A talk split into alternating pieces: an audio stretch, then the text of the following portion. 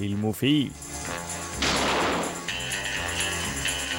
Studentradioens eget filmmagasin. Lights ready, all set. Cameras.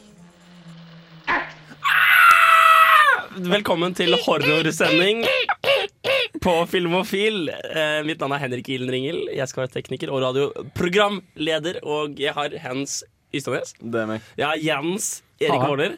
Og Frida Sveen Hempel. Hallo. Hallo! I dag skal vi prate om filmanmeldelser. Mer spesifikt skal vi faktisk ha hele sendingen, unntatt muligens kanskje litt nyheter i begynnelsen, om horror. Det blir veldig bra. Det blir fryktelig bra. Aller først så skal dere få en låt. Mer spesifikt Young Lean med Monster. Time running through my hands. I have to let it go. Have to let it go. Filmofil gir deg nyhender fra filmen og fjernsynets i spanende verden. Og vi er i gang med sendingen. Her er det ikke noe tull. Vi leker ikke filmmagasin her på Radio Revolt på Filmofil. Hans Ystadnes, du har nyheter. Om jeg har. Om jeg har, Tjommi. Uh, for det første, dette var, en, var litt trist over at jeg ikke fikk snakket om i forrige uke, så vi tok han like så godt i dag. det kommer en Tetris-film. Det stemmer. Det stemmer. Det blir bra.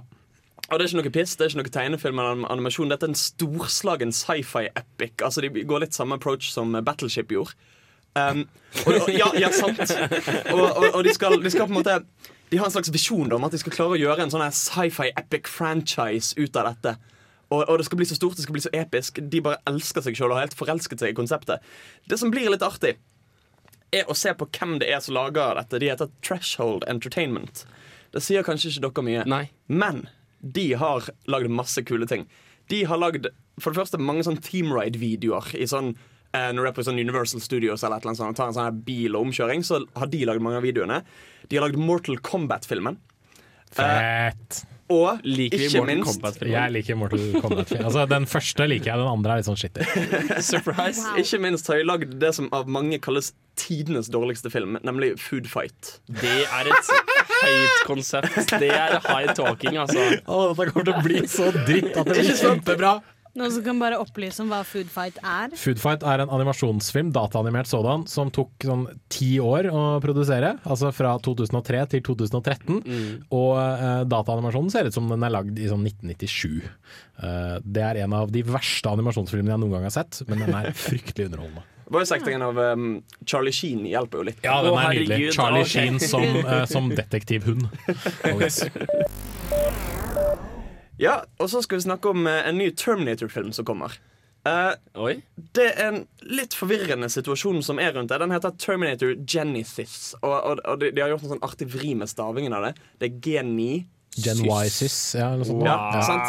ja, sant, for det er sys som i system. Men det er ikke i den niende i- Terminator-filmen? Det har ikke kommet så Det er den femte eller noe? Ja, ja. Um, Arnold Schwarzenegger er med. Oi. som, som seg sjøl, skulle til å si. Som eh, liksom Guvernør Ter- Arnold Terminatoren. The ja. Governator. Um, Emilia Clarke skal spille Sarah Connor. Hun kjenner vi selvfølgelig som Daenerys fra Game of Thrones. Ja, ja, ja. Kan bli bra. Eh, og Matt motherfucking Smith skal være med. Oi. Det har ikke blitt uh, sagt hvilken rolle han skal spille, men han skal være med. Jeg vet, jeg vet ikke om de bare prøver seg på en sånn Så vi får en, vi spilt får en Who Game of. Thrones-krysning. Det kan være at de prøver å høste litt seere, og han har den sånn klassisk eh, bare sånn, Han var med i én scene, og så står han på tredjeplass på plakaten. Han er med i én scene. Altså Det er jo Tumblr-bait som bare faen. Men, men når den heter Genesis, er Ja. det da på en måte starten? For er ikke Arnold Schwarzenegger blitt litt gammel for å ha en Jo. sånn origin story? Det er akkurat det de har vært veldig uklare på, fordi at um, altså, altså De har sagt når de skal snakke om filmen, så sier de sånn Ja, altså det er ikke akkurat en oppfølger. Det er ikke en prequel. Det er ikke en reboot. Vi vet ikke helt hva vi skal kalle det. Litt av Poenget her har på en måte vært at de skal begynne på noe vi kjenner igjen, og så skal de bare klusse alt til og gå i uante retninger. Det er et alternativt univers der Terminator T9000, eller hva den heter, 10 ja, uansett, er 50 år eldre. T800 var den første. Var det det. Og så var det T1000, og så var det TX i uh, Terminator 3, husker jeg. Ja, det var Burde du si at du har sett disse filmene? Jeg har sett eneren, jeg har Har sett toeren. Jeg har sett sånn lite grann av treeren, og så har jeg sett ingenting av nummer fire. Skjell. Våre mest oppmerksomme lyttere er kanskje klar over at vi i forrige sending i Nyhetsstikket snakket om um, snakket om denne Twilight-serien som skal lages av eh, Kristen Stewart. og. Ja. Som blir en sånn antologi. Um, dette er litt det samme. Det skal komme en annen antologi. En horrorantologi.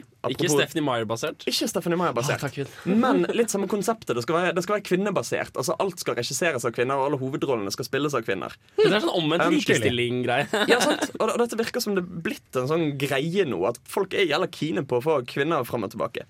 Fram og tilbake. Kanskje ikke fram og Fram, tilbake. og så tilbake, og så inn, og så ut. Altså. Nå viser vi fram, og så kan de gå og stå i hjørnet, og så tar vi, tar vi over igjen. Nei da, det ble teit. Uh, fordi ikke nok med det, men det skal komme en ny Ghostbusters-film. Uh, ikke, her er litt samme situasjon som Terminator-filmen. Det blir på en måte Det blir ikke en oppfølger, og det blir ikke en hel reboot heller. Um, men, her, men her er poenget at de skal gjøre om på hele, hele casten. Altså De skal på en måte reboote det, men, men de skal ta det helt på nytt. Bare Ingen har sett et spøkelse før. Inn kommer disse Ghostbusters, som kun skal være kvinner denne gangen. Uh, selvfølgelig er det en del fanboys som nå er litt sånn «Øh, Kan ikke gjøre det. Altså, hvis den filmen der ender opp med å være bare at disse damene er damer, Nei, og det nei, bare punchen kommer til å være på at de er damer Jeg så tror poenget er at de skal være morsomme, først og fremst. Og Bill Murray har velsignet dette. Eh, Ok. han, han, han har gått ut og sagt Vet du hva, jeg synes dette er en kjempegod idé. Jeg har egentlig ikke så lyst til å være med på nye Ghostbusters. Nå sender jeg stafettpinnen videre. Han har kommet med egen, egne forslag til hvem som kan spille de. Han har nevnt Melissa McCarthy fra Gilmore Girls. Kristen Wiig, uttales det kanskje, Ja, fra Bright. Bridesmaids. Eh, Linda Cardlini fra Scooby-Doo-filmen. og Emma Stone. Ja, men Emma Stone er den fordi, ved siden av hun Gilmore Girls-dama den første jeg liker på den lista. der. Det kan jo bli bra. Det kan bli Liker bra. du ikke Kristen Wiig? Jeg tror vi kjører låt, jeg. Eh, Kaja Gunnufsen med Syden her på Filmofil ved Radio Revolt.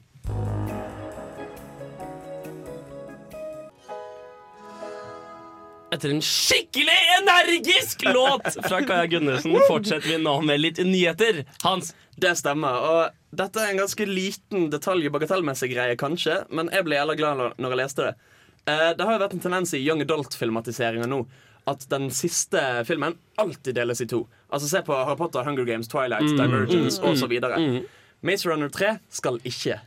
Yeah. jeg har fortsatt ikke sett eneren. Ikke Var den bra? Men jeg så den jo, Ja, og så ble jeg syk, og så ble den ikke anmeldt. Men den er faktisk overraskende bra. Hey, hey. Den har sånn Fluenes herre-stil over hele greia, bare ikke så på en måte imperialistisk. Ja, I don't know what that means. Imperialistisk. Og så har den ikke Dette her kommer du til å bli glad over, Hans. Den har ikke, eller jo, den har det, men han er ikke interessant. En sånn der enhjørningshovedperson. som bare er så? Ja, En en som er så spesiell. Ah, At det bare ja. Og i dag, for ingen Skjønner. forstår hva Fina snakker om. Enhjørningshovedperson, det er jo Young Adult Du er så avansert for oss. Jeg vet det. Jeg vet det, Det er min store byrde her. Men ok, så Maze Runner er noe man skal se. ja. Fett. Uh, en annen ting som var deilig å lese på det store internett, er at den norske filmen Bølgen begynner å få veldig stor internasjonal oppmerksomhet. Jeg har ikke, jeg har ikke hørt om den. Er en eh, refilmatisering av uh, undervisningsfilmen The Wave, som egentlig handler implisitt om nazister, som jeg ble vist på ungdomsskolen en gang? Veldig, veldig. Veldig eksplisitt om Veldig nazister. Veldig filmnerd, uh, tror jeg. Den ble jeg vist på ungdomsskolen en gang. Da, Eh, Den var egentlig tysk, vil jeg bare opplyse om, og den het De De Velle. Yes, noe jeg, noe jeg kunne. Ok, nå, shit, nå ble jo dette skulle til annonseringsnyhet nærmest. Eh, dette er da Bølgen, som er en norsk katastrofefilm. Med blant annet Kristoffer Joner skal være med. Og det skal ta for seg denne i Geirangerfjorden, den fjellhyllen som stadig ut, utvides. Og når den detter ned i fjorden, så kommer det til å bli en kjempebølge som suser innover fjorden. Hvor kommer nazisme og indoktrinering av unge inn? Det kommer til å kanskje oh, ja. ligge implisitt Ja, ja, det, det, må, jo- det må jo ligge implisitt. Eh, vi, vi kan bare håpe. Mm, en annen liten kort uh, artig greie. Jeff Goldblum er bekreftet til Independence Day 2. Ja Ja! visst. ja. Det er dessverre ikke Will Smith. Nei, men det, er det blir ikke, i så- det er hvert ikke stor fall overraskelse. Det er ikke en veldig stor Nei, men Jeff. Goldblum er Independence Day, så det er Ja. greit. Nei, det er Will Smith. Som Smith er Jeff Independence Goldblum. Day. Det er Jeff Goldblum. Det er Will Will Smith Smith. er en generisk dyktig actionhelt i den filmen. Will Smith slår et romvesen, og så sier han 'Welcome to Earth'. Det er jo så fett, det han gjør i den filmen. Jeg elsker den filmen. Så er det en liten kavalkade av kule ting som kanskje kommer til å skje i Marvel-universet. Um, Marvel Hardon. visst. Det er meg. Det har seg nemlig sånn at ifølge en unevnt kilde, men ifølge en kilde i hvert fall, så skal kanskje Sony lette litt på dette stramme grepet de har hatt på Spiderman, og la det skje en crossover mellom Spiderman og Avengers. Enda flere Spiderman-filmer! Kan, Det var det verden trengte! jeg, har et, jeg har et spørsmål. Kan dette ha noe med at de to siste Spiderman-filmene har uh, A. Vært rass, og B. Uh, inntjent veldig lite penger? Dette er en diskusjon vi kan ta en uh, annen gang. Ekstra liten podkast. jeg elsker de nye Spiderman-filmene. De filmene. Men det som, er, det som er kult med dette, er at Marvel har hele tiden hatt denne kontinuitetsgreien sin. sant? At Mhm. alt foregår i ett stort sammenhengende un- univers. I hvert fall i tegneseriene. Det har ikke latt seg overføre i så stor grad til filmverden nettopp fordi at filmrettighetene eksisterer rundt omkring oss alle. Skulle ikke han der uh, community-duden være Ultimate Spiderman? Det, var, det er tegnefilm. Eh, Dette er Animasjonsserie. noe helt Dette har gått annet. noe helt annet. Jeg trodde han faktisk skulle spille Ultimate Spiderman i nei, nei, nei, film.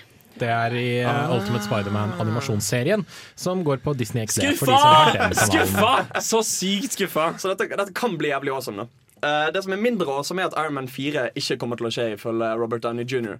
Og det kan hende han kommer til å forsvinne litt fra Marvel-universet, for ifølge kontrakten hans så har han bare én film igjen i kontrakten som Iron Man. Men det er i tillegg til Age of Ultron. Som Nei, er det, er inkludert Age of Ultron. Age of Ultron. Ah, shit. Ikke sant? Men er det kanskje litt greit? Det er litt begrenset hvor lenge vi skal melke liksom, Ja. hans måte, eksellens i disse filmene. Det blir gammelt. Det må bli gammelt før eller senere. Og treeren var nesten like god som eneren. Så Og- jeg tror vi kanskje gir oss på tidspunkt. Men også i tegneseriene så blir disse gutta bytta ut hele tiden. Ja. Så vi må nok innse det at Robert Downey jr. ikke gidder å spille rollen mer, og at han etter hvert må byttes ut. Pluss at altså, det begynner å bli litt sånn 50% av hele filmbudsjettet på en milliard kroner er lønn til ham fordi han har blitt så stor. Hva hadde Iron Man vært uten Robert Downey nei, Jr.? definitivt, Jeg er så totalt enig, men altså, det er også litt sånn uh, Hvem vært med å skape det, da? Det var jo han produseren som vi har uh, John Favreau, var det ikke det? Kan godt hende. Som har laget uh, Han greier. regisserte den første Iron Man-filmen. Ja, ikke sant. Det var jo stor, stor del med å lage den på en måte stemningen som er i den filmen. da Mm. Så ja, nei. Vi skal ta og kjøre låt. Det er Damien Marley. Høres litt ut som en reggae-låt på bakgrunn av navnet, faktisk. Reggae-låt. hard Work her på Filmofil, Radio Revolt. Håper du koser deg.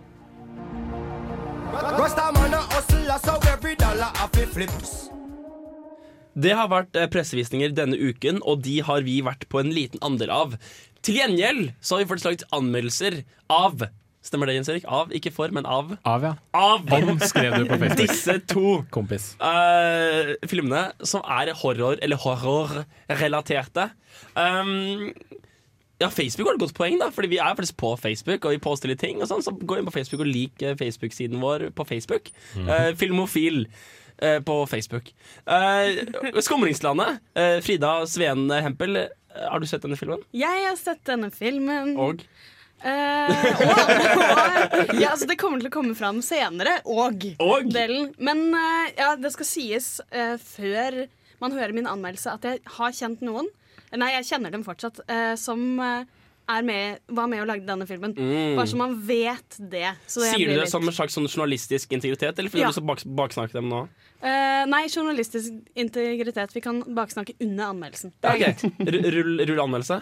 Rull, rull anmeldelse. Jeg vil fortelle om høsten 1348. Skumringslandet er så åpenbart et hjertebarn. Man kan nesten merke entusiasmen og dugnadsånden som skulle til for å sette denne middelalderthrilleren til live. Dette er en av Norges underdog-filmer. Kjære bror, jeg har fått nyheter om at du er anklaget for trolldomsvirke. Filmen følger Wilhelm, som har kommet tilbake til Norge fra et utenlandsopphold. Etter at han har fått høre at broren Askar er anklaget for en rekke grusomme mord ved hjelp av svart magi. Dette har ført til at stedets kloster har gjort krav på familiegruven, og Wilhelm kastes inn i en maktkamp mellom det geistlige og verdslige, der han kjemper en desperat kamp for å prøve å renvaske sin bror. Begynnelsen trodde vi, det var villdyr som herjet ude i områderne. Og så oppdaget vi den eldgamle offerplads. Denne filmen er så absolutt mest interessant når den utforsker overtro. Her gjør også filmen et av sine beste grep. Mens de ikke vet om det er djevelen, ville dyr eller mennesker som står bak de brutale mordene, får ikke jeg vite om dette filmuniverset faktisk inneholder magi eller ikke. Det er her jeg virkelig drives inn i historien, når karakterene og jeg får sitte i uviss uro sammen. Dette bygges opp under ved at det er i disse segmentene filmen har sine mest stemningsfulle øyeblikk. Det eneste vi vil, det er å jage djevelen tilbake der han kom fra. Man må nesten gi spesialeffektsavdelingen ekstra kudos for de mest groteske likene jeg har sett på en stund. Med råtnede ansikter og opprevne kropper får filmen en eim av forråtnelse, som videre bygger opp under en skjebnesvanger følelse. I tillegg er landskapet eksepsjonelt stemningsfullt. Vi har en mørk skog, skitten by og en dyp gruve. Dessverre virker det ikke som de har innsett hvilket potensial de egentlig hadde. Replikkene føles ofte som de er ment å drive frem et plott, i stedet for å være deler av en organisk samtale. Dette kunne vært tilgitt, for de har en viss B-filmkvalitet, som kan la oss tilgi haltende replikkveksling og noen litt uerfarne skuespillere. Han har gjort seg skyldig i å mene frem underjordiske krafter. Det som derimot virkelig svikter, er at filmen bruker mye tid på noen litt typiske personlige bakhistorier, som aller mest tjener til å gjøre filmen likere andre filmer i lignende sjangre. Dette er trist, for det er så mye sjarm i historien at du virkelig heier på dem. Når filmen er ferdig, sitter jeg og tenker at de var så nære en film jeg ikke hadde sett før. De hadde et konsept med et potensial som jeg ikke følte ble utforsket nok. I stedet føltes det som jeg hadde sett en god påskekrim på NRK. Ikke at det nødvendigvis er noe galt med det. Hvor er bannlyst. Han er fredløs. Han er død.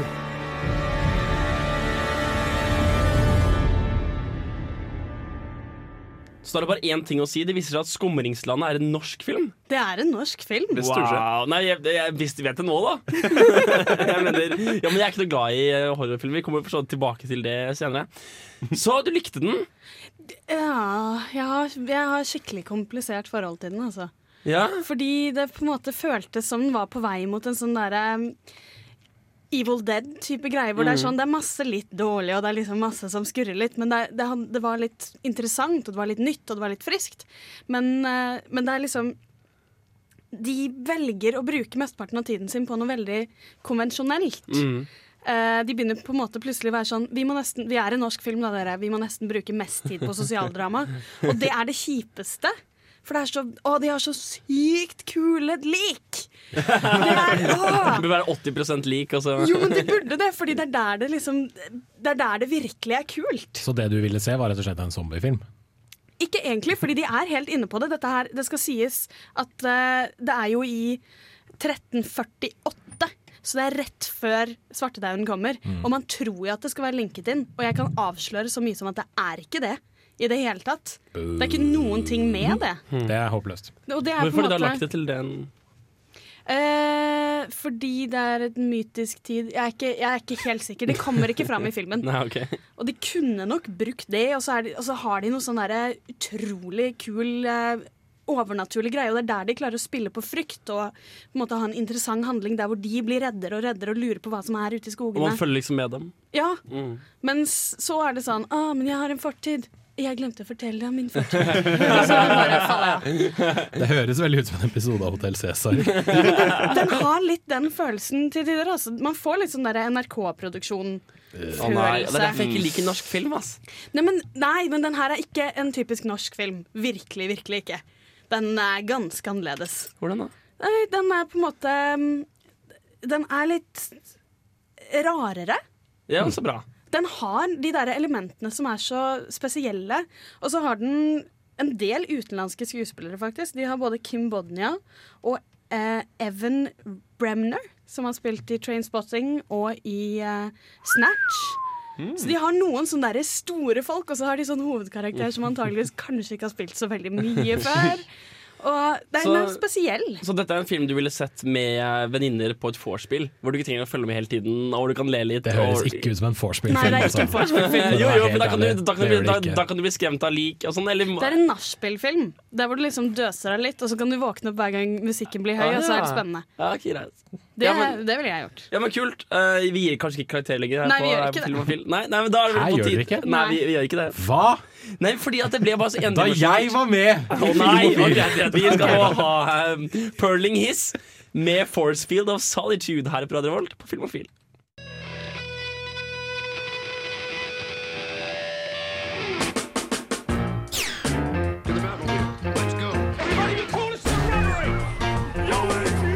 Dette er Filmofil.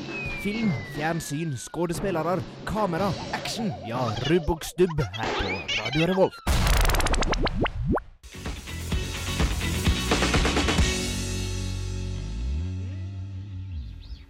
Vi er tilbake. Det er Filmofil. Vi skal ha anmeldelse om Annabelle i vår lille serie her av horroranmeldelser. Hans Ystadnes, du har vært og sett Annabelle. Jeg har vært og sett den. Og? Eh, og eh, ja. ja det, blir, det blir et langt år, da. Det blir kanskje både Du kan ta, du kan ta det i ett pust. Ja, sant. Det blir både et om og et men òg, kanskje. Men mm, Altså, jeg vet, jeg vet ikke, jeg tror kanskje det var en litt dårlig avgjørelse å gå på pressevisningen på han, og ikke gå på typ en faktisk visning av han. Nettopp fordi at når jeg gikk ut av kinosalen, så var det bare solskinn og fint vær og fuglekvitter. Du ble tatt ut av det med en gang? liksom Med en eneste gang. Um, altså nå, det, det har litt med filmen å gjøre, og det snakker jeg litt om i anmeldelsen, men ehm, ja, det, det var flere ting som bidro til at dette ikke ble kanskje helt den pisse i buksen-skumle horroropplevelsen jeg hadde forventet at det skulle være. Skal vi ta og rulle på anmeldelse? Det syns jeg vi skal. John, wake up. Next door, I heard a scream. Stay here. I'll go check it out. John? Is everything all right? Oh my god, you're covered in blood. Go back inside. It's not mine. It's not. Go back inside and call an ambulance right now. Go! Fjorårets The Conjuring er en av filmene som har skremt meg mest. I begynnelsen av filmen får vi et lite innblikk i Warren-parets håndtering av en demonbesatt dukke, og det er denne vi følger i filmen med samme navn, Annabelle. Ekteparet John og Mia angripes av to medlemmer av en satanistisk kult, og den ene av de kutter over strupen sin med en dukke i armene. Blodet hennes renner ned i ansiktet på dukken, som blir glemt inntil huset tar fyr. Han dukker opp i askene, men John kaster han siden han minner Mia om angrepet. De flytter til en ny leilighet, hvor de oppdager at dukken på uforklarlig vis har blitt med i en av flyttekassene. Så begynner mystiske ting å skje, og dette skaper basis for det skumle i filmen. Det skjer på formulaisk vis og bygger i stor grad på billige jump scares, noe som gjør at filmen blir betydelig mindre minneverdig enn The Conjuring. Men jo da, skummelt er det. There are things happening that I, that I can't explain. We should talk to someone. I don't think what you're experiencing is a ghost. Det som gjør Annabelle skummel, er forventningene en sitter med. Disse bygges opp av musikken, av småting som skjer i bakgrunnen, og dører som åpnes og lukkes av seg sjøl. Dessverre føles det ofte antiklimatisk. En føler seg snytt idet en sitter og tenker har jeg vært livredd i fem minutter bare for at en mørk figur skal hoppe inn i kameraet? Dessuten er det aller skumlest i første og slutten av andre akt. Møtet med kultmedlemmene er knallbra gjennomført, spesielt i en scene hvor vi gjennom to vinduer ser nabofamilien bli drept. En får se akkurat det som trengs, og de fleste skrekkinngytende øyeblikkene bevitnes i bakgrunnen, i vinduer og døråpninger. Slutten av andre er òg gjennomført uhyggelig, og en sitter med hendene foran ansiktet og forbereder seg på klimakset. Sometimes demons can attach themselves to objects. What do I do? Protect your family.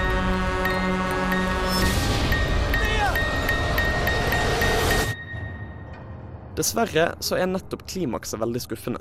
Slutten er direkte latterlig, og har dessuten noen uheldige raserelaterte undertoner. Dette er gjennomgående for filmen. Han bygger stadig opp til høydepunkt som aldri kommer. Dessuten er tittelfiguren, altså dukken besatt av demonen slash spøkelset Annabelle, det minst skumle elementet i filmen.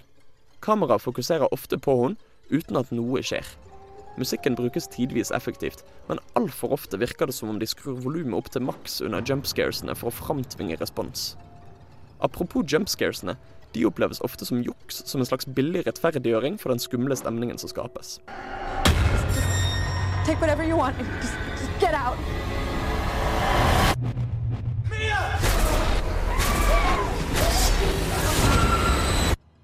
Fra tid til annen så ser en glimt av det som gjorde The Conjuring så bra. Bruken av kameravinkler og fokusskift skaper en følelse av helhet, av at mørke krefter har en stor, altoppslukende tilstedeværelse. Dessverre så mangler Annabelle oppfinnsomheten og fantasifullheten som forgjengeren hadde, og all skrekken var vekke idet jeg gikk ut av kinosalen. Dukken i seg sjøl var heller ikke så veldig skummel. Nettopp det at han ble så underspilt i The Conjuring, gjorde at filmplakaten fikk meg til å pisse på meg, men mye av skrekken forsvant idet han ble trukket ut i lyset. Resultatet blir at Annabelle gjør The Conjuring mindre skummel, og det syns jeg er vanskelig å tilgi. Likevel er kanskje akkurat det noe som kan gjøre han aktuell for mange, nemlig at en blir redd så lenge filmen varer, men ikke lenge etterpå. Hvis du generelt er glad i skrekkfilm, så vil jeg nok anbefale Annabelle, men ikke forvente deg noe mesterverk. Det kan godt hende at det er like greit å vente til han havner på Netflix. Who are you?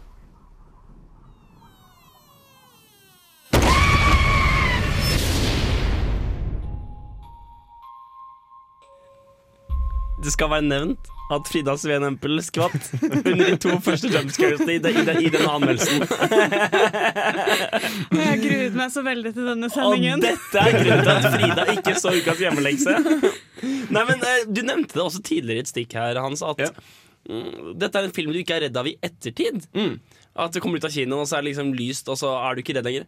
Og, og Du nevnte en annen gang også hvor du var på en hytte. En samtale vi hadde hvor du snakket om at du hadde vært på en eller annen hytte og sett en eller annen film, og så var du helt fucking shit scared av å være på den hytten etter at du hadde sett filmen. Er det en del av opplevelsen for deg? Skal du være redd i timevis Ja, for, for, for meg er det det. Altså, altså, altså Det å på en måte skape illusjoner av at du sitter der og er redd av noe som ikke fins. Altså, du sitter der bare Ja, men det fins ikke spøkelser. Ja, men ja, men det, fin, det fins ikke spøkelser! Det fins ikke spøkelser! Det knirka litt sånn ekstra Ja, ja. sånn når vinden kom. Det er på en måte det å ødelegge den skepsisen og bare på en måte klare å Klare å lure seg sjøl til å oppfatte at det finnes noe annet der. Ja vel, vi, vi kommer tilbake til hva det er som du liker så godt ved å være redd, for jeg hater det jo. Uh, denne filmen uh, ikke verdt å betale for. Jeg, jeg, jeg syns ikke det. Altså, hvis du er veldig sånn ser alt som heter horror, så altså, altså, det, det er litt det som er problemet, for det er ikke, det er ikke en drittfilm. Al al altså, Han er ikke elendig, han er bare ganske bra, og du ser av og til glimt til det som var så bra med The Conjuring. Og, og det, For meg blir det veldig frustrerende, og kanskje at jeg opplevde han som dårligere enn han var, nettopp fordi han bleknet sånn i forhold til eh, forgjengeren. Ja, for vi er tilbake på forventninger. Du Ja. forventet en Conjuring-film, og du så bitte litt glimt av at den fortsatt kunne det med klipping Mm. og, og, og scenesetting, men det var bare ikke like, like immersion, liksom. Nei. Men altså, hvis jeg, la oss si at jeg skulle se den på Netflix, da. Tar den på laptopen din, det er fortsatt litt, litt lys gjennom vinduet. Kanskje til og med sitter på kjøkkenbordet og jeg har akkurat laget meg en liten lunsj, et par brødskiver med litt, uh, litt ost på. Det vil ikke være samme opplevelsen av immersion som det vil være på en kinosal. Altså, ja, greit, Jeg kan sette opp på rommet mitt med 60-tommeren og fullt 7.2-anlegg Mm. og liksom ligge i sengen min under fem lag med dyner. uh, men, men, men da vil du jo få den immersion-greia. Men ellers så vil jo det trekke mye fra en opplevelse av en skrekkfilm. Ja, men, ja, men altså, altså, Det var nettopp litt av problemet at jeg følte at selve immersion altså, for, altså for eksempel Det de har brukt masse liksom, tid på, er jo lydeffekten og lydkulisser. Og, og virkelig bruke liksom, subwooferne for det de er verdt. Mm. Men, men det føles så Altså det, det, det føles ut som om det bare er et billig gimmick for å få fram et, for, for fram et poeng. Det føles ikke Mm. liksom implementert. Mm. Uh, at det hører hjemme der, på en måte. Du nevnte at denne dukken ikke virker spesielt uh, skummel. Nei. Altså, hva, hva gjør de for å liksom, få den til å virke så truende og fæl? Er det sånn slow close-ups og sånn, hvor du venter på en bevegelse? altså, altså Dukken er på en måte Han er jo med i hele filmen. Altså, det begynner med at dette ekteparet Han, eh, Mannen gir den til hun i gave fordi hun har alltid ønsket seg en sånn dukke. Av en eller annen uforklarlig grunn. Ja, for den Um, ser creepy ut. Så man blir, altså jeg har sett traileren. Jeg har sett traileren. Og når han er sånn uh, You always wait for this, så er det sånn Why? Ja, sant. Crazy woman. Hvorfor What did you expect? men, men, men den er på en måte bare sånn Han er bare der, han beveger litt på seg, og plutselig er han i et annet rom enn du trodde han skulle være. Og litt sånne ting Men det virker som filmskaperne tror at dette er skumlere enn det egentlig er. Mens på en måte mange andre ting, som f.eks. spøkelset etter hun kultmedlem-damen, blir mer skummelt og på en måte virker mer truende enn dukken gjør. Måten du beskriver det på, får meg til å tenke på Amityville 4, eh, der ondskapen eh, besatte en lampe. Det anbefales å se filmen. Så liksom, ja, ondskapen er besatt, har besatt en lampe, og, og det den gjør for å virke skummel, er at den, ja, den, den lyser opp, og så blinker den litt et par ganger. Så, og så prøver den å kvele noen med, med stikkontaktledningen. Det er utrolig morsomt. Ja, nei, men da, har du, da får du i hvert fall som vår kjære lytter noe ut av dette stikket. Dere kan, dere kan gå og se Hva, hva sa du? Eller spille? Amityville 4, Er det- The Evil Escapes. Det er en film. Å, herregud. Ja, vel. Fjerde Amityville horror-filmen. Vi skal ta prate om hjemmeleksa Evil Dead. Uh, hvis du ikke har sett den, så kan du pause. Hvis du hører på podcast, kan du pause kan du nå gå og se Evil Dead fra 1981 mens vi hører på musikk. Fordi vi skal nemlig nå høre Verité med Echo.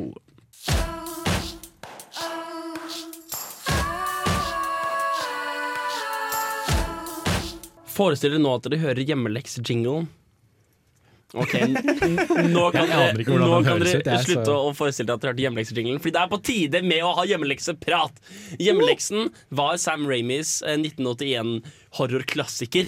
Eh, Evil Dead. Og det er alt jeg vet, Fordi jeg, jeg, hadde ikke, jeg så den ikke. Jeg hadde ikke, jeg hadde ikke lyst til å ha en kveld, en kveld hvor jeg var redd. Jeg vil bare rette opp i at uh, det Henrik sa tidligere om at jeg ikke har sett denne filmen. For grunnen til at vi har den som hjemmelekse, er nøyaktig at jeg har sett den før. Og at det var en bra anbefaling, selvfølgelig. At det var en verdifull anbefaling. Ikke ikke bare fordi du har sett den før. Den er litt spesiell. Liker du den ikke? Altså, det er en karakter som blir voldtatt av et tre. La oss ikke glemme det. Det er en sånn type film. Eh, nei, selvfølgelig. Jeg ble redd. Ja, for så jeg det, liker den er, det ser litt ut som en zombiefilm. Ja, altså, Det er jo en slags zombiefilm. Ja. Det har litt den estetikken og i sminken og makeupen og sånn, men det er vel altså Det blir en heksefilm, på en måte. Skal vi ta for å introdusere klippet? Ja. Hva er klippet? Uh, det klippet er fra en scene hvor det på en måte avsløres at hun ene er fuckings besatt av et uh, spøkelses-slash-heks-ting. Um, der, der hun, ene, hun ene sitter og gjør noen sånn korttriks hvor hun skal prøve å tippe hvilket kort som hun andre ser på. Det går ikke, men plutselig hun ene som stirrer ut vinduet. Hun kan alle kortene som de trekker opp, og det bare er noe magi på ferde. Og så blir det veldig skummelt. Seven. What suit? Um, diamonds. Uh, no, no, no, wait. Um, hearts. Oh my God, seven of hearts. You're right. hey, Ash, I guessed the card right. Yeah, truly amazing, Linda. I don't know. I don't know, but I think it's really some sort of extra sense or something. You know, like ESP. Okay, try this. Okay. Um, it's a seven. I don't believe it. Of spades. Queen uh, of spades. Four of hearts. Eight of spades. Two of spades. Jack of diamonds. Jack of clubs. Our sleep? Awakened us from our ancient slumber. You will die! Like the others before you. One by one we will take you.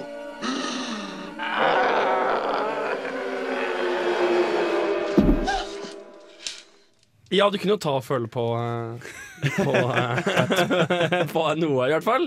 Altså Det, det jeg er så gøy med Evil Dead, er jo nettopp det at veldig mye føles veldig sånn teit. Altså, altså All sminken er over the top, og alle effektene og alle stemmene og alt mulig sånn.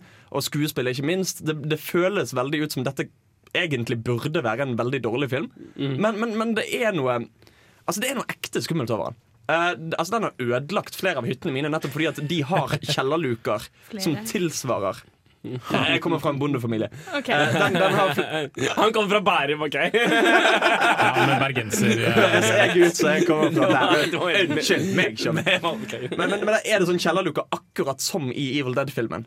Og hver gang det knirker, så er det sånn bra!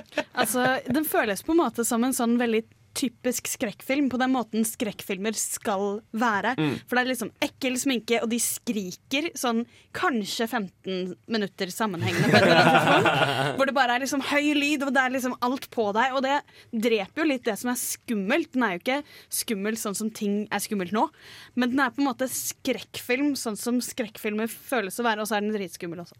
Altså Det skal si at Jan Markus Johannessen, som dessverre ikke er med oss i dag, eh, er jo da sendte oss jo en link med eh, type Five great movie scenes made possible by reckless endangerment. Og det er fordi dette var, denne filmen hadde lavt budsjett. Ja, det, var, det var lavt. Jeg vet ikke hva det var for det, men det var, det var ikke mye. Altså Jeg ser for meg at de hadde, liksom, de hadde en krukke hvor de bare liksom la sånne femcent-mynter oppi. Og Ja, da den var full, så tenkte de ja, da drar vi ut og lager film. Jeg lurte på, jeg leste at det var, budsjettet var 400 000 dollar, som er veldig lite for en fulllengsfilm.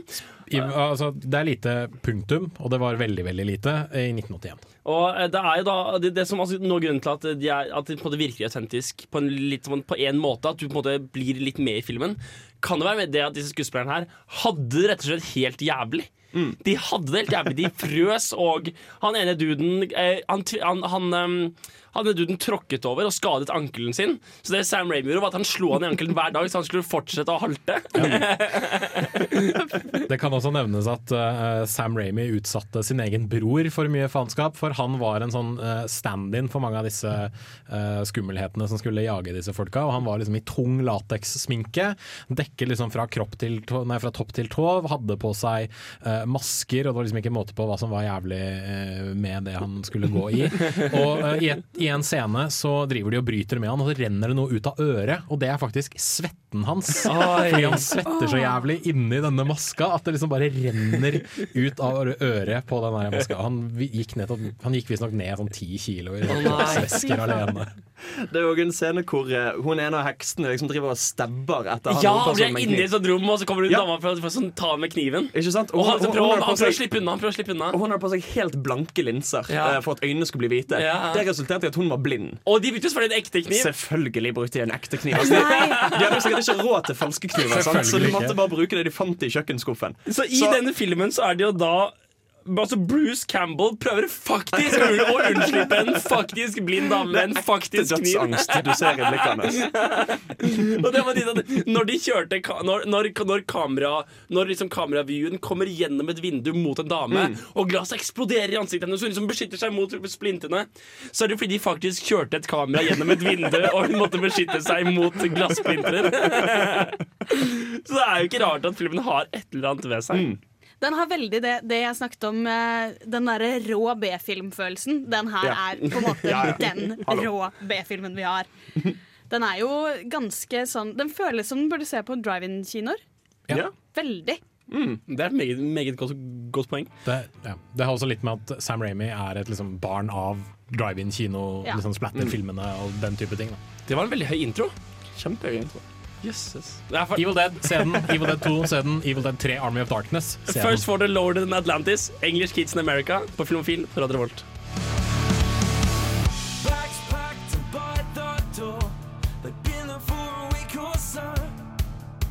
Yeah! Vi er inn i horror and in a big way. Eh, la oss begynne litt med horrorpraten. Eh, la oss begynne med våre erfaringer med horror. Hans. Ja, altså, jeg Jeg blir så satt ut. Du er- du er en rasshøl, Jeg beklager. er- Jeg liker dialekta. Skal jeg begynne å si horror? ja! Nei! Men ja, altså, jeg var, jeg, var, jeg var en fryktelig pinglete kid egentlig når det gjaldt horror. Altså, altså, jeg fikk mareritt av Star Wars. eh, og eh, jeg, jeg husker jeg så akkurat et klipp av en vampyr fra Buffy Når jeg var sånn åtte-ni år gammel.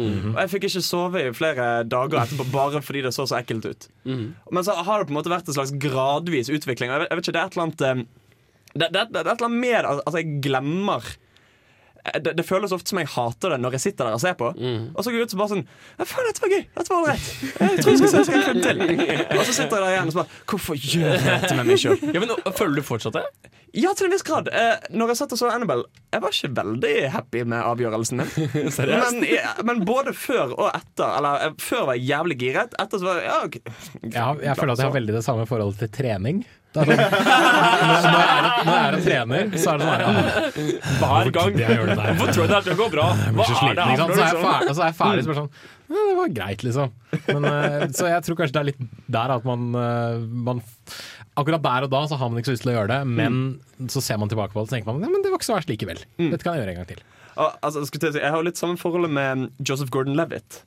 Ja. Jeg, jeg tror alltid at han er dritt mellom filmene, og så ser jeg han i en film som så bare Wait! Da er du omvendt Han forhold til egentlig Joseph Han er egentlig ganske god skuespiller. Og så er filmen ferdig, og så bare Ja, faen, uh, Joseph-fyren han var ikke så flink. Men gi meg én film som du husker skikkelig at var The Conjuring. Liksom, som var liksom Du, vet du hva, The. Conjuring har vært min liksom, defining skrekkfilm. Uh, den var så esseskummel. Altså, vi var en gjeng fra Folkehøgskolen som gikk og så den på kino i fjor.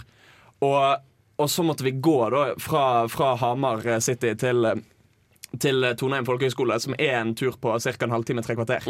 Midt på natten, om vinteren. Forbi, gjennom sånn skogholt og gamle tjern og bekker. Og det var en av de mest ubehagelige gåturene jeg har hatt i mitt liv. Var dere ikke sånn 20 stykker? Jo, men, men så var det noen sånn kjekkaser som skulle begynne å kødde. Så bare sånn Du, Hans?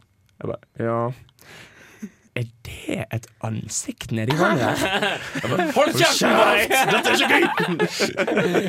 Jens Erik. Ja, uh, jeg vil jo tørre å påstå at jeg har litt det samme forhold til skrekkfilmer som deg, Hans. Jeg, jeg var ikke redd for Buffy da jeg var yngre, det var jeg ikke. Men jeg husker veldig spesifikt at en reklame for filmen uh, Beetlejuice skremte vannet av meg da jeg var yngre. Shit, du er gammel. Uh, jeg, Hei, er du! 20, jeg er 26 år gammel. Alt under 27, alt under 30 er, er ungt, og du er i 20-åra fortsatt. Uansett. Uh, så fordi jeg husker uh, den filmen skulle gå på TV Norge en eller annen gang.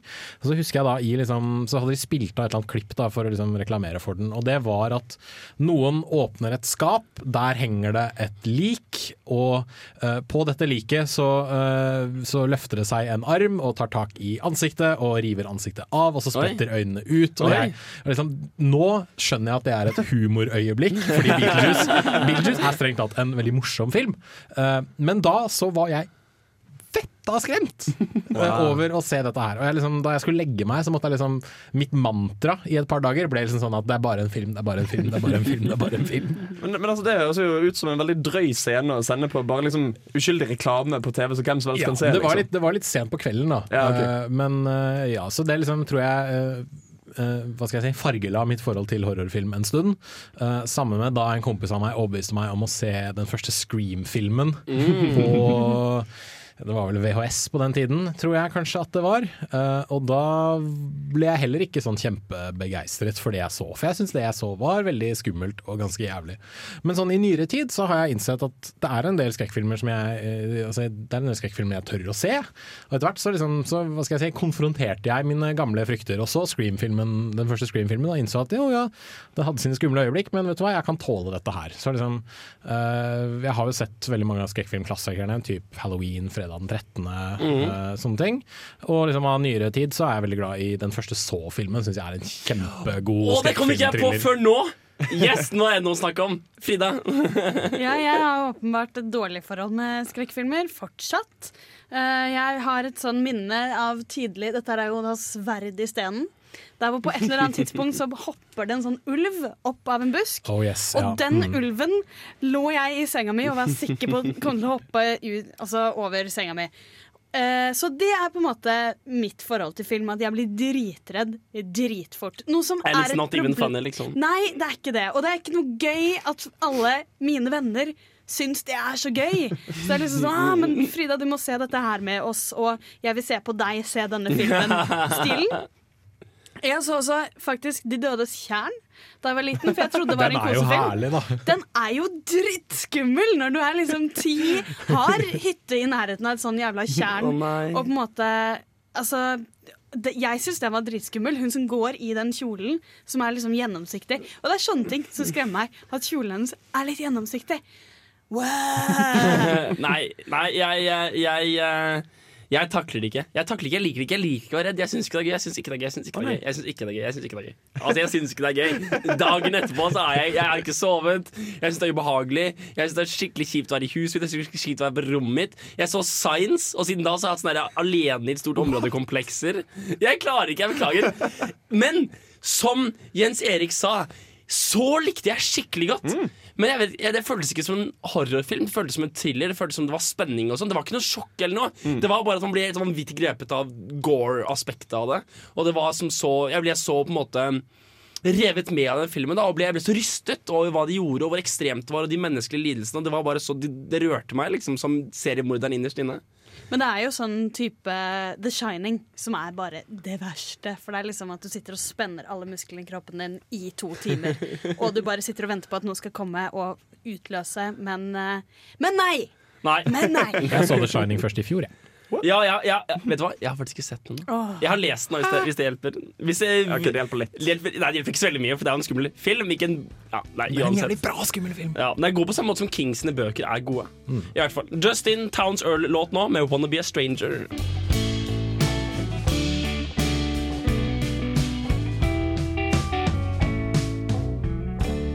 Played one, Sam. Det er jo alltid å ha musikk når den er påtent. Helst noe indisk eller pakistansk. Ukas filmlåt.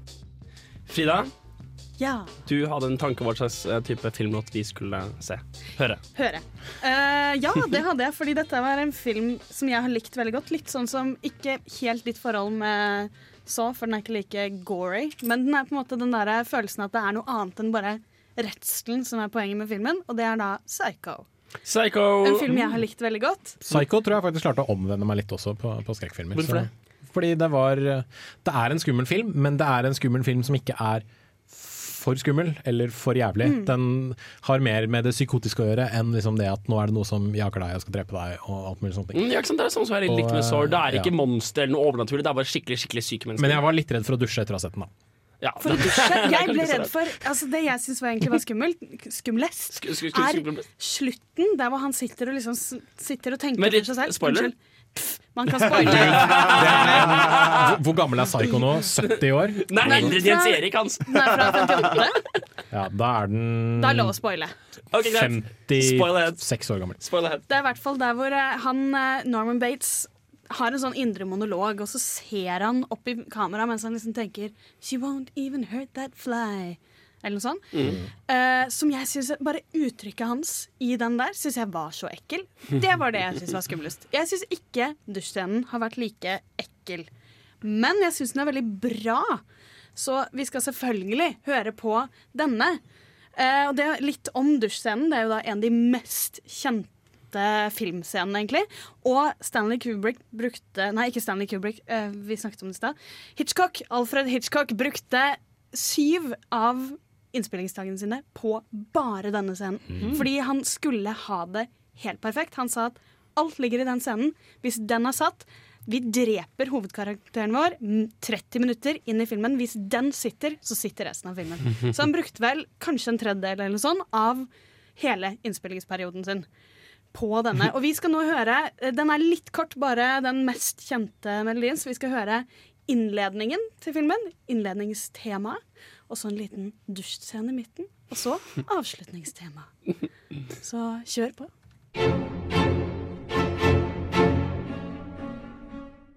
Det var filmmusikken til Psycho. Har noen noen idé om hva som gjør filmer skumle? Hans? Altså, altså, jeg opplever ofte at det er litt dette med at det kan skje deg. Eh, sær, særlig når det gjelder sånn overnaturlig horroropplegg.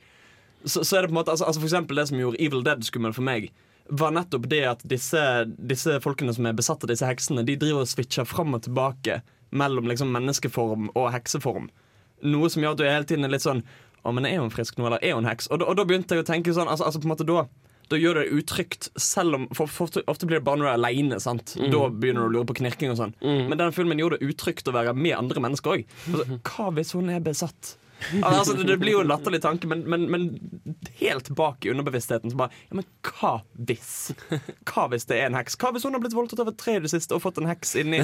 Altså, det kan skje. Jeg tror det er veldig noe med den, eh, det som han sier, og ikke minst det, det er sånn leken med det ukjente. Altså det er en, en grunn til at folk er uh, redde for mørket, er fordi de vet jo ikke hva som er inni i mørket. Og uh, jeg tror uh, det som gjør veldig mange skremt, er det liksom, at liksom, noe impliseres, noe uh, hintes til, men det blir aldri 100 forklart hvorfor noe skjer og sånt noe. Jeg personlig jeg blir veldig redd når jeg ser edderkopper i film. Det hater jeg. Så liksom, Ja, det, er- det har jo noe med din fobi å gjøre. Arachnophobia har jeg aldri sett. Så liksom alt som ligner på edderkopper, det holder jeg meg unna. Altså jeg film, blir ikke, jeg, når jeg så Vertical Limit, så ble jeg ikke redd for høyder. Jeg kjente liksom ikke at jeg kjente igjen den. da Nei, men uh, jeg vet ikke, jeg bare takler ikke edderkopper. Uh, det er altså, min greie. Ifølge en artikkel jeg fant her, så er det fire forskjellige måter å se film. Du har gore-watching. Det er lav empati, høy sensasjonssøking, og man identifiserer seg med en sterk eh, med, Man identifiserer seg sterkt med, med, med morderen. Man har thrill-watching, high empathy and high sensation seeking. Motivated by the suspense of the film and more identification with the victims. Independent watching, high empathy for the victim, with a high positive effect of overcoming it. Altså det er en, det er en, det er en Man har liksom en independent Man har liksom en greie med at man overkommer det. Det er en positiv greie. Og så har du min type, som er problem watching. High empathy for the victim, but characterized by negative effect. Altså man, er, man, man, man er, føler seg hjelpeløs, man, man er redd. Det er den jeg har. Ja, jeg. Jeg og Frida vi, vi, vi, vi er problem watchers. Men, men altså, jeg, jeg vil jo på en måte si at jeg òg tilhører den, men jeg oppsøker det. Al- Altså, Det er nettopp den hjelpeløsheten jeg, eh, jeg ser etter i filmer. Altså sensation seeking, da. Du, Ja. de- Ja, men det er jo det som er gøy, for, for jeg syns ofte det blir altfor det blir slitsomt, særlig liksom klimaks i, i sånne skrekkfilmer. Da kommer det plutselig ofte en eller annen fyr sant, som har kjempekontroll, og som viser de skumle åndene og gjenferdet hvor skapet skal stå. Og jeg synes alltid det er irriterende, for da, da, Jeg er da, fjer- enig. det fjerner noe i det. Mm. Det er ikke så skummelt lenger, for det kan over, overkommes og overvinnes. Og Det er sånn klassisk det øyeblikket hvor du får følelsen av at det du har vært redd for, ikke er noe skummelt. F.eks. i Mm. spill, som er horrorspill. Der er det liksom, du er så redd for at et eller annet skal skje, eller du er så redd for at du skal dø, eller du er så redd for de der monstrene du ikke ser rundt hjørnet. Og så finner du at nei, det er, de er, det er ikke farlig hvis du ikke ser på dem. Så du Mm. kan desarmere dem og bare se ned i gulvet hele tiden. Eller i filmer der du blir vist hele monsteret med en gang. Typ Alien 4. Ja, ja, eller altså, jeg tenkte på Hva, hva heter den der filmen med eh, Det er en håndholdt kamerafilm eh, med Cloverfield? Cloverfield, tusen takk. Og der ser du nesten ikke noe av monster på noe tidspunkt. Og det er liksom, det er, da, da er det sånn Nå er ikke det en horrorfilm, jeg vet ikke om det er en thriller. Jeg vet ikke. Det er ikke en horrorfilm, det er en thriller. Eller litt skrekkfilmelementer i den. Okay, men, så- men, altså, for, å- beklager. for, for å bygge videre på Ja. poenget ditt, da. En film som gjør det utrolig godt, er den første Alien-filmen. Og Jaws for så vidt også. Jeg vil påstå at Jaws er en skrekkfilm. Den har ikke jeg sett, da. Rett og slett Der har de innsett det at ok, eh, dette monsteret, denne Mm. mekaniske haien eller denne, eh, dette romvesendrakten, Mm. det ser så jævlig ut. At hvis vi viser folk det i liksom fullstendig lys, så Mm. kommer de til å le av oss. Så det vi gjør da, at vi viser så lite av det som overhodet mulig. Det er derfor stort sett scenene med haien i Jaws er veldig korte, veldig kjappe, eller forord fra haiens blikk. Det er derfor du kun i Alien ser uh, halen på monsteret, du ser litt av hodet, du ser kanskje en munn, du hører lyder, ikke sant. Du får ikke se filmen, nei filmen sier jeg, du får ikke se monsteret i liksom helprofil og lyssatt 100% før på slutten av filmen, når liksom klimakset skal skje og eh, faren skal være over. Men, men tror du kanskje nettopp det er noe av det som gjør det skummelt? At på en måte mye overlates til fantasien? Yes. At Alien, Du visste ikke hvordan hele monsteret så ut, og det du forestilte deg, var uendelig mye verre enn det som uh... Nettstedet TV Tropes, som jeg er veldig glad i, som uh, er en stor sånn database av liksom, fortellerteknikker uh, innenfor fiksjon, har en veldig fin artikkel som bare heter 'Nothing is scarier'. Med andre ord at det er, altså, ingenting er skumlere enn noe. Det, altså, de eh, blanke områdene du selv fyller med din egen fantasi, er langt skumlere enn et monster som noen har eh, tegnet og designet og liksom bare plasserer foran deg. En svart, altså en, en svart døråpning er mer, med liksom noen lyder bak seg er mer skummelt enn en fyr som står i døråpningen med en machete. Men der sa du noe veldig viktig. Bare akkurat se ingenting, men du må høre noe. Nettopp. For det må være en sånn der tilstedeværelse i det. Altså det at det er stille, er jo ikke skummelt. Så det er jo faktisk veldig mye det der at du tar inn ting gjennom andre sanser. Noe vi gjør. Ja. Veldig Mm. mye fordi på en måte alle andre sansene våre er på en eller annen måte så føles de mindre til å stole på. Så jeg vet ikke, Man kan liksom lett føle at sånn, å, jeg hørte noe der, men det er mye sjeldnere du er sånn Nå ser jeg en person borti der, men uh, står det egentlig en person der? Det er sjeldnere, Og så er det jo tilfeller av Vi, vi pratet om The Shining i sted, hvor det er veldig tilfeller av at uh, det er veldig eh, underbevisst hva det er som gjør det skummelt. Blant annet da, fordi for eksempel i The Shining så er det noe, det, noe det de gjorde, var at de gjorde det illogisk. Som for eksempel at når de gikk ut Når en person gikk inn i et rom, så kom de ut fra den andre siden. Og sånne ting som ikke stemte. Det er masse sånne ting i den filmen. Sånn at, at, at, at den interne geografien på hotellet ikke stemmer.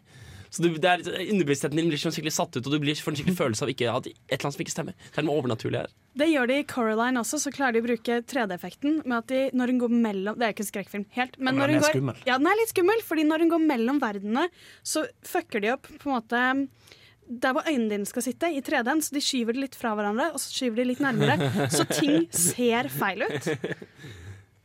Til sist, Hans. altså det synes jeg òg er en effekt som alltid skremmer meg. Den der eh, Hitchcock-zoomen. Når de zoomer inn på ansiktet, men beveger kameraet bak. Eller jeg vet ikke hvordan de gjør det, men får den effekten De beveger kameraet framover, zoomer bakover. Det stemmer. Det er alltid ekkelt. Vi skal ta og høre et par låter, og så skal vi begynne å prate om hva som gjør en god horrorfilm. Så uh, leave that remote alone, er det ikke det de sier? Mens dere får Cold War Kids med First.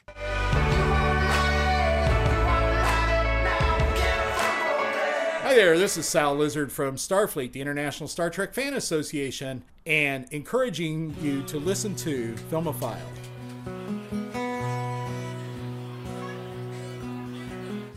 Tusen, tusen takk. Jo, vær så god. Det var, veldig, var en veldig fin låt. Eh, Det, siste her var eh, Janne ha Hea. Hea. Janne Hea. og Torgeir Valdemar. Heia! Hei, ja. Ok, det er derfor. Anyways. Um, jeg er ikke den første til å ta den vitsen. Skulle jeg tro Helt siden Andre 3000 og gutta gjorde det stort med Heia. Um, la oss bare, ok, vi skal, vi skal prate om hva gjør en horrorfilm god. Kan vi begynne med hva er en horrorfilm? Fordi vi har to, to eller tre ganger nå møtt på at jeg synes ting er thrillere. Kan ett forslag være at en horrorfilm er overnaturlig? Og det overnaturlige kan liksom pl plutselig dukke opp når som helst. Men det finnes jo skrekkfilmer som ikke nødvendigvis er overnaturlige. For Gjerne- eksempel Så-filmene. Ja, men Så-filmene er ikke nødvendigvis horrorfilm. Og Jo, de er det. Ja, men hvorfor er de det? Fordi de er skumle. Ja, men thrillere kan Og fordi det skjer grusomme ting, og det er en mann som tar livet av folk i den. Og det, der, der har du det! Altså Det bør sies at skrekkfilm er ikke direkte det samme som horror. Eh, hor er horror, horror er en sjanger innenfor det som heter liksom innenfor det som heter skrekkfilm. Nei, takk. Innenfor det som heter fantastisk litteratur da, på norsk. Uh, uh, al- altså omhandler fantasy og sci-fi og sånn. Og horror er ganske spesifikt at det er overnaturlige elementer som forbindes med skumle ting, cautionary tales og sånn. Altså typ zombier, vampyrer, spøkelser, Ja, vel, så gjenferd. Hannibal-filmene, er de horror eller ikke? Per definisjon ikke. Jeg vil si at 'Nattsvermeren' er en skrekkfilm. Jo, men, Men den er det, det er ikke en skrekkfilm, men det er ikke en horrorfilm. Det er det ikke. Men uh, kan vi bare legge til en ting som er at de er jo så fantastisk gærne. Eller det er jo på en måte de karakterene som er sånn gærne øksemordere, sånn som han som lager uh, jakker av folk. Ja. Han er jo på en måte Han er jo nesten magisk i hvor gal han er.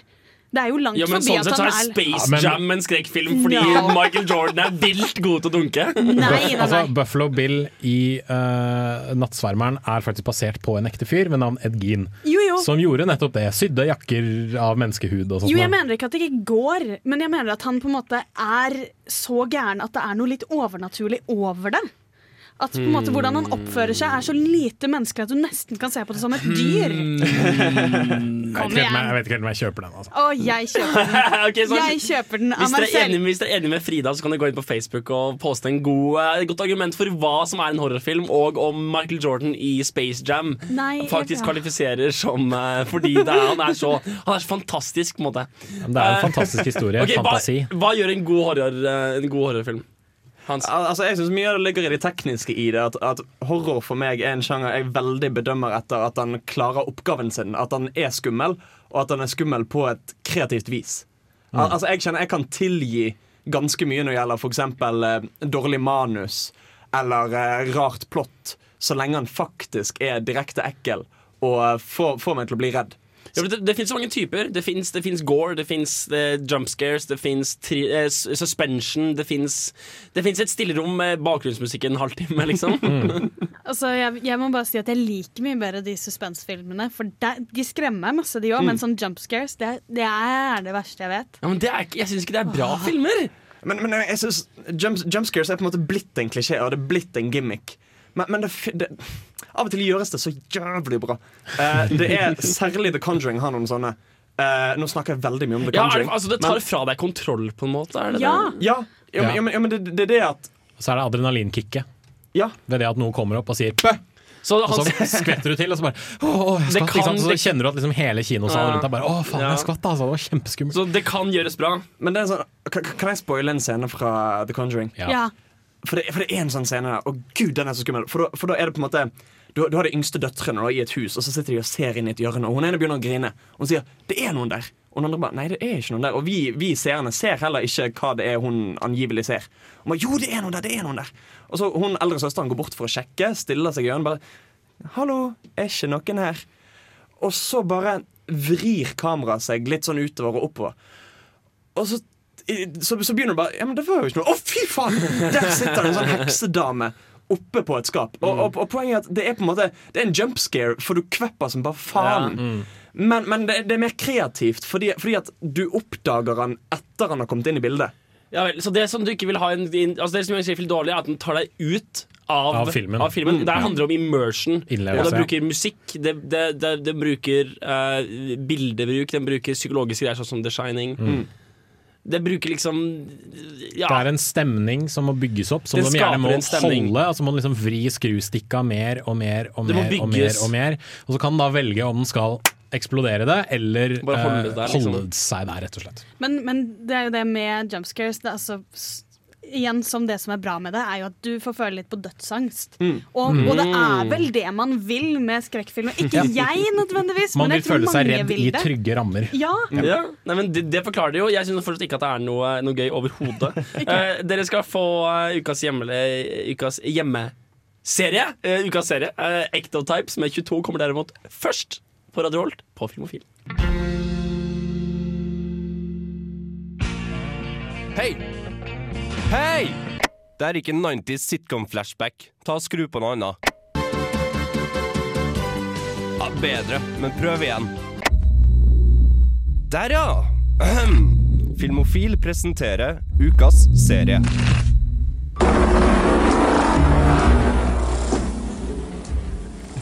Hva er det de hører, Hans? Dette er themesangen til American Horror Story.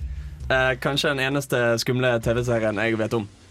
Men den er til gjengjeld ganske skummel. Har du prøvd å se Twin Peaks? Nei. Det er ganske skummelt. Det var creepy. Jeg synes den er litt skummel. Det var noen som vurderte at de skulle ha det som ukas TV-serie, men eh, ingen av oss hadde sett noe av det til For dårlig. Jeg ble litt Men- for skremt. Fortsett. Altså, altså, det er basically Det kan oppsummeres som at det er det, det er nærmest som én en eneste stor, lang skrekkfilm med ma- vel episodisk oppbygning. Og forskjellige Eh, karakterer sånn. Forskjellige karakterer, eller Hver sesong tar for seg en ny setting. Da. Mm. Uh, den første foregår i et sånn typisk sånn skummelt hus hvor det har skjedd mord. og sånn uh, Så er det en av de som er på et freakshow. Uh, det er en av de som er på et mentalsykehus, og litt sånn forskjellige settinger. Og så de forskjellige sesongene har liksom eh, tar, for, tar for seg det, da, og masse sånn troper og typiske skrekkfilmting som skjer der. Mm. Mm, og Så skal vi høre et klipp fra det nå, og der er det da en omviser som i første sesongen i det huset hvor det blir drept masse folk, så om, viser han rundt og forteller om alt som har skjedd der. Alt det skumle og ekle som på en måte da skaper basis for de spøkelsene som vi får se seinere. We have saved the best for last. The Montgomery House, affectionately known as Murder House. no wandering off. We wouldn't want a member of the tour to be murdered or killed or mutilated. Just kidding. But you all did sign your releases, right? Right? The house was built in 1925 for Dr. Charles and Nora Montgomery and their infant son Thaddeus. In 1926, their beloved Thaddeus was kidnapped. He eventually returned home, but diced up and pickled in several specimen jars. Dr. Montgomery couldn't let the dead lie, and he brought something back to life, the sight of which drove Nora mad. She killed her husband and herself. For more tales of woe, onward and upward. Here you go. Watch your steps.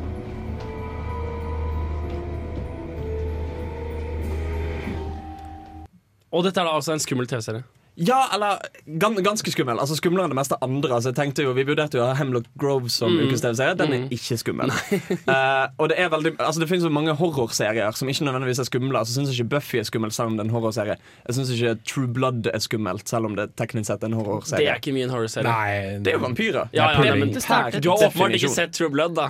Jeg har sett de første sånn to-tre sesongene. What?! Og sier du at det er en horrorserie? Per definisjon. Da har vi feil definisjoner, Jo, men altså. per definisjon som vi nettopp kom fram til. Ja, greit, greit, greit. Men, men uansett, uh, American Horror Story er faktisk uh, litt, litt skummelt. Altså, det, er ikke, det er ikke veldig skummelt. Det er ikke The Conjuring. Um, men mener, det er ikke noen Conjuring. Det er ikke noen Conjuring. liksom. Men, uh, men, men, men det, er, det er ekkelt, og de klarer å på en måte holde seg veldig true til den typen skrekkfilm. da Dette med vi flytter inn i et hjemsøkt hus. Og de, de har ganske sånn interessante indre mekanikker. Altså, altså Når de holder på så lenge, så på en måte forklarer de en del gjennom ting som skjer, hvordan ting henger sammen.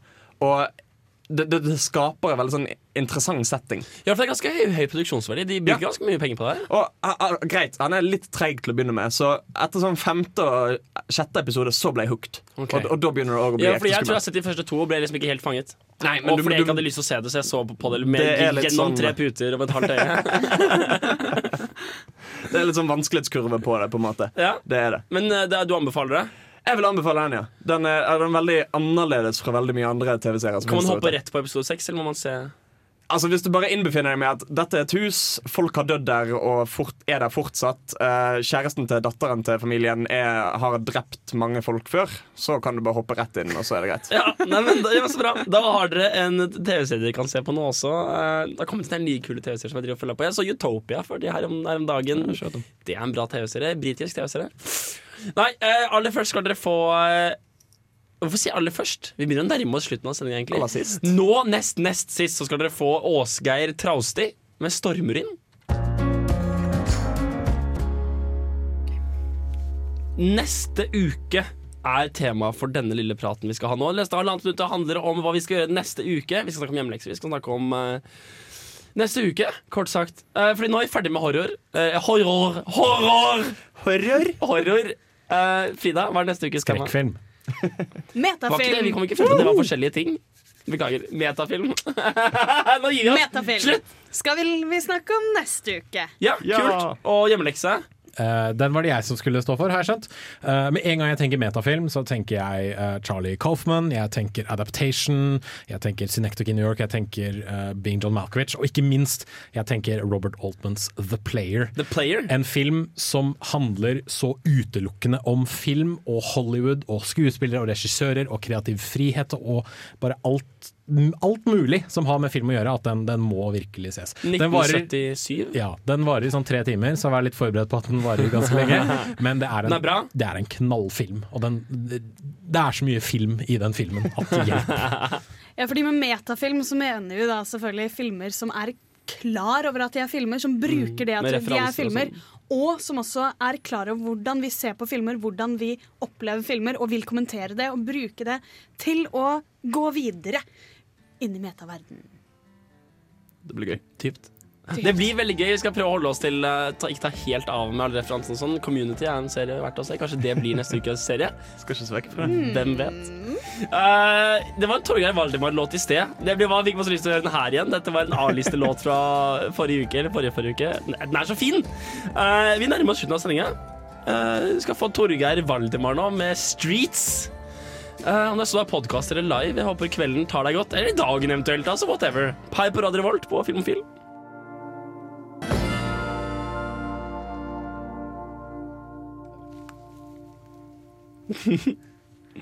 Vi har kommet til slutten av programmet.